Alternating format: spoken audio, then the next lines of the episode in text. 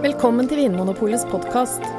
I panelet i dag sitter programleder Trond Erling Pettersen og varefaglige rådgivere Anne Engrav og Anders Stueland. Velkommen hjem igjen, Anders og Anne. Vi har jo vært på tur til Frankrike. Yes. Og til deg som hører på, nå skal du få en veldig kort innføring i området Jura, som vi har vært og besøkt. Nå skal du få det absolutt viktigste du trenger å vite, og ikke noe mer. Eh, vi skal prøve å holde det her veldig kort. Anders, hvor ligger Jura? Mm, Det ligger øst i Frankrike, ganske langt nord, mellom Burgund og Sveits. Ja. Anne, eh, hva kan stå på flaska når jeg kjøper en vin fra Jura? Er det noen spesielle sånne underområder som eh, jeg kan kjenne igjen? Ja, det er en sånn hovedregion som heter Côte du Jura. Og så er det eh, tre underregioner som kan også være mer sånn Mm. spesifikke. Det er Chateau Chalon, eh, Etoile. Etoile og Arbois.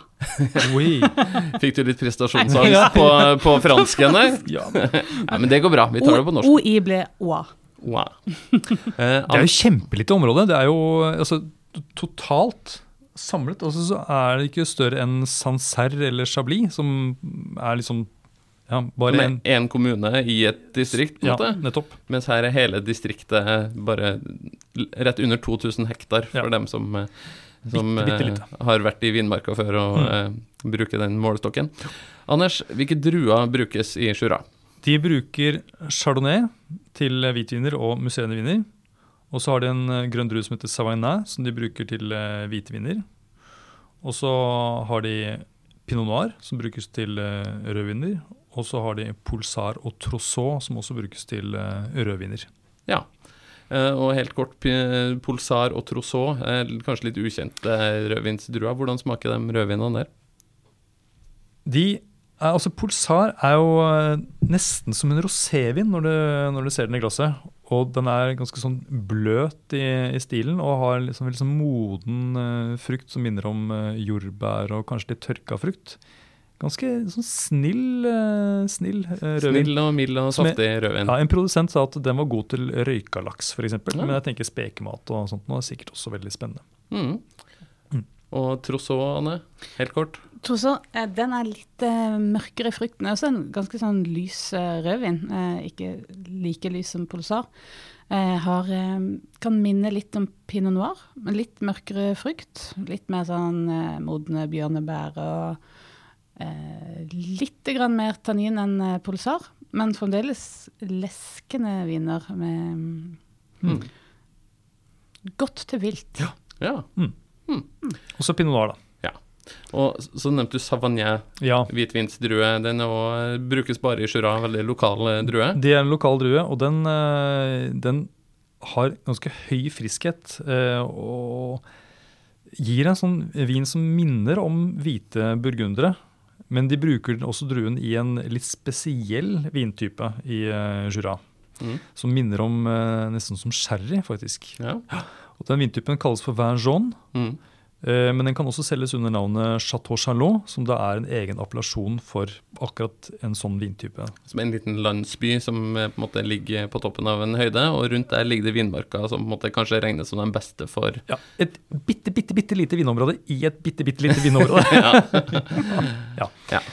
Og der lages da det her Van John, den gule vinen, Ja, som det betyr. det, tror jeg vi må forklare litt nærmere hvordan Ja. de lager den vinen. Fordi da lar de eh, vinen eh, ligge på fat i eh, seks år og tre måneder. Og i løpet av den tiden så blir det liggende et sånn lite gjærlag oppe på vinen i fatet. Mm. Og det setter preg på vinen, som gir noe sånn nøtteaktig, spennende preg. Komplekse viner. Ja. Og eh, Anne, det lages hvitviner som har litt av det samme preget, eh, men som ikke kalles Van Jean. Og- Ja, det er når ikke de ligger fullt så lenge. Hvis det gjærlaget dør ut før det er gått så lang tid, Mm. så har det bare blitt delvis prega av den gjærsoppen, da. Mm.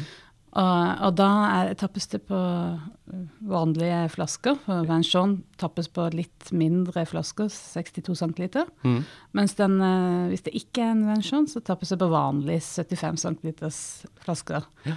Og smaker som en sånn mellomting, da. Det har fremdeles litt av det nøttepreget og litt sånn sherrypreg, men eh, Mm. nærmer seg mer liksom fersk frukt, sitrusprega. Ja. Ja. Og de merkes med noe spesielt, kanskje, på etiketten?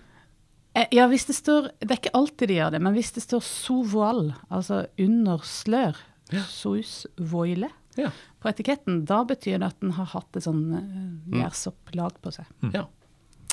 Så spennende. Ja, det er Ja. kjempespennende. Mm. Eh, og du nevnte kremant, eh, Anders. Mm. Helt sånn til slutt, eh, hvis vi skal sammenligne det med en annen type musserende vin, hva ligner det mest på? det kremant ligner- fra Jura? Det ligner mest på champagne. Det er jo kjølig klima, det er samme druetypene som brukes, Mm. samme produksjonsmetode. Og, Men prisen er jo noe helt annet. Jeg tenker for ja, tett oppunder 200 kroner så får du vin som eh, i hvert fall i min gane er eh, smaker som champagne. Ja. Så for å oppsummere, da. Jura, eh, vanlige hvitviner, Ja. litt spesielle hvitviner, Ja. saftige rødviner ja. og god fattigmannssjampanje. Yes. Eller eh, musserende vin Ja. av god kvalitet til Ja. en rimelig penge. Et bitte, bitte lite område. Med god vin. Ja. Store viner. Tusen takk.